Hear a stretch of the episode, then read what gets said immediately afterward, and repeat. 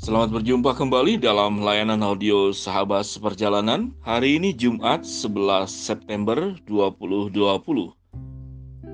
Tema daripada renungan hari ini yaitu jangan salah memeluk. Jangan salah memeluk. Firman Tuhan terambil dalam Amsal pasal 4 ayat yang ke-8. Demikian bunyi firman Tuhan. Bagian ini berbicara tentang hikmat. Junjunglah dia atau hikmat maka engkau akan ditinggikan, engkau akan dijadikan terhormat apabila engkau memeluknya. Junjunglah dia atau hikmat, maka engkau akan ditinggikan, engkau akan dijadikan terhormat apabila engkau memeluknya. Mari kita berdoa. Bapa yang di dalam surga, kami boleh belajar memahami arti memeluk adalah memiliki dan tidak akan melepaskannya. Ada dalam banyak hal dalam kehidupan kami, kami salah memiliki dan tidak mau melepaskannya. Apa yang harus dimiliki, apa yang harus yang tidak dilepaskan, justru kami tidak punya rasa memiliki dan melepaskannya. Maka pilihan-pilihan hidup ini agar kami diberikan hikmat untuk benar di dalam memiliki dan benar di dalam memeluknya. Di dalam nama Tuhan Yesus kami berdoa. Amin. Sahabat seperjalanan yang dikasihi Tuhan, hidup ini berbicara tentang keinginan. Tatkala kita boleh menguraikan dalam selembar kertas tentang apa yang kita inginkan, maka saudara saudara akan sangat pandai merangkai kalimat mencantumkan berbagai macam keinginan-keinginan yang engkau ingin miliki. Bahkan satu lembar itu tidak cukup.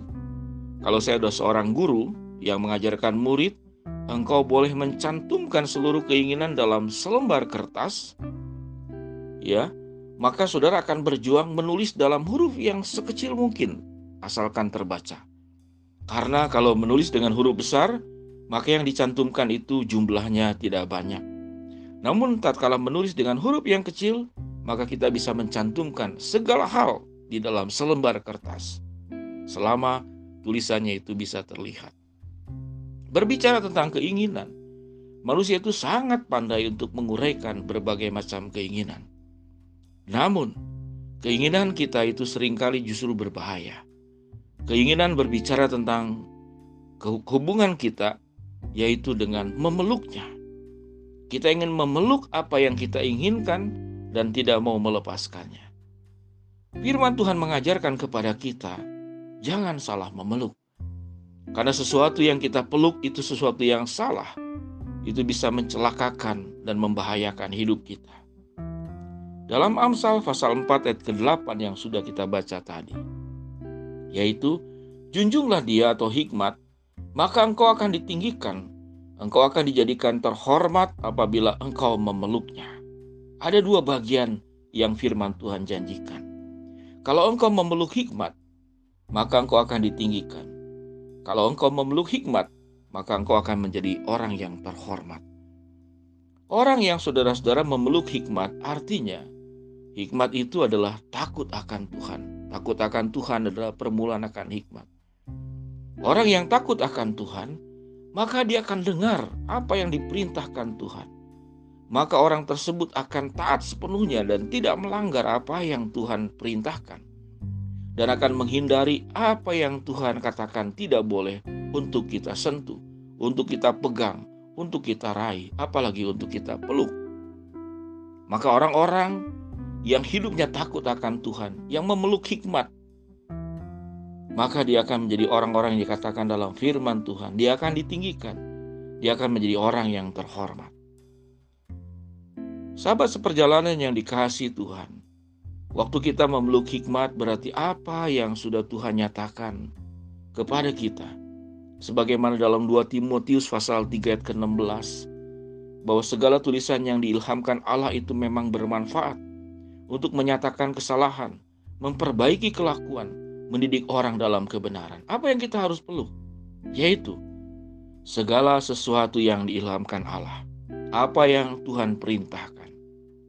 Tatkala Tuhan mengajarkan Bagaimana seorang percaya itu harus memiliki karakter-karakter Kristus, karakter-karakter ilahi. Yang kita peluk adalah kesabaran, bukan amarah. Yang kita peluk adalah pengendalian diri, bukan keliaran dalam hidup kita. Yang kita peluk adalah berucap dan berkata-kata yang indah dan membangun, bukan kata-kata yang menyakitkan. Yang kita peluk adalah sebuah integritas yang bisa dipercaya, bukan menjadi orang yang suka berbohong, menipu.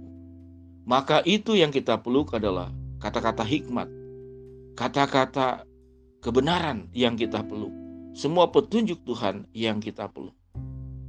Tak kala Tuhan mengajarkan kepada kita agar kita menjadi orang-orang yang terus memiliki hubungan dengan Tuhan di dalam doa saat teduh, maka itu yang kita peluk, tidak dilepaskan. Anda punya kerutinan di dalam bersaat teduh. Layanan audio sahabat seperjalanan sebetulnya untuk menolong kita untuk tidak bolos di dalam saat teduh dan berdoa. Ada seorang anak Tuhan yang menerima layanan saat teduh dan dia berkata, Pak Wendy, saya jujur, saya sudah lama tidak saat teduh.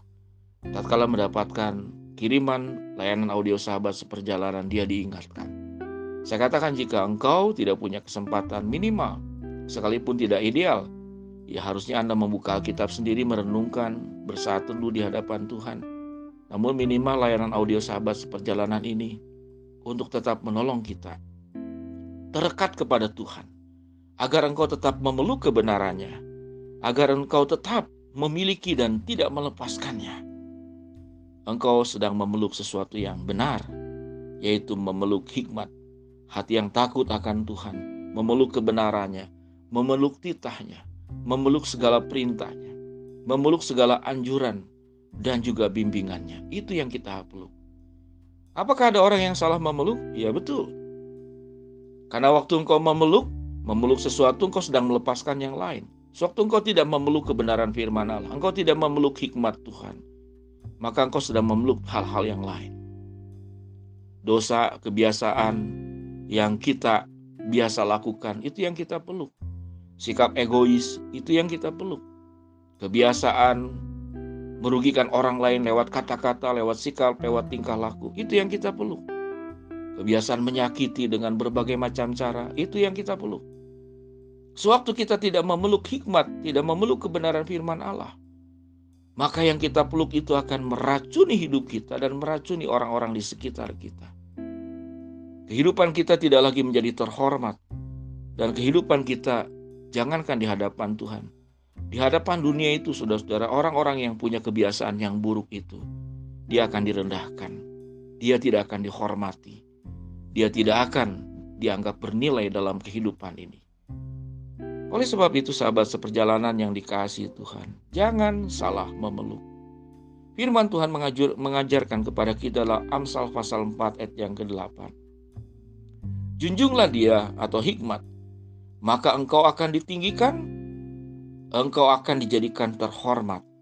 Catatan di dalam yang berikut, saudara jangan lupa, apabila engkau memeluknya. Mari sahabat seperjalanan yang dikasihi Tuhan. Sewaktu kita sudah terekat erat dengan kebenaran firman Tuhan, hidup di dalam kebenaran firman Allah. Jangan kau, janganlah pernah engkau melepaskan barang sesaat pun. Karena engkau sedang memeluk sesuatu yang paling berharga, paling bernilai, memberikan kehidupan, dan Tuhan menjanjikan engkau akan ditinggikan dan hidupmu akan dijadikan terhormat apabila engkau memeluknya. Mari kita berdoa. Bapa yang di dalam surga, hambamu berdoa yang sakit Tuhan sembuhkan, yang sedang bergumur dengan masalah dan kesulitan Tuhan membukakan jalan, yang sedang berdoa berharap sesuatu, Tuhan akan kabulkan dengan cara, waktu, dan sesuai dengan kehendakmu. Ajar kami Tuhan pada hari ini untuk tidak salah memeluk. Kami hanya akan memeluk kebenaranmu. Kami akan memeluk segala titah dan perintahmu. Kami hanya akan menyatu dengan Engkau di atas segala-galanya. Jangan biarkan kami Tuhan memeluk sesuatu yang salah. Karena sewaktu kami memeluk dan memiliki dan tidak mau melepaskan sesuatu yang salah, itu membuat kami ada dalam keadaan bahaya. Kami menjadi orang yang direndahkan dan menjadi orang yang tidak terhormat. Dalam nama Tuhan Yesus kami berdoa. Amin. Sahabat seperjalanan yang dikasih Tuhan, kalau engkau terberkati lewat layanan audio sahabat seperjalanan ini, membantu saya meringankan untuk men-share. Silahkan Anda berbagi kepada keluarga, sanak famili yang ada di Indonesia, di luar kota, atau bahkan ada yang di luar negeri. Ada yang sudah terbagikan ke beberapa negara, dan untuk salah satunya yang ada di Malaysia, Pak Wedi saya minta untuk tenaga kerja Indonesia yang ada di sana karena butuh layanan dalam bahasa Indonesia. Selamat beraktivitas, sukses selalu, sehat, Tuhan berkati, Shalom.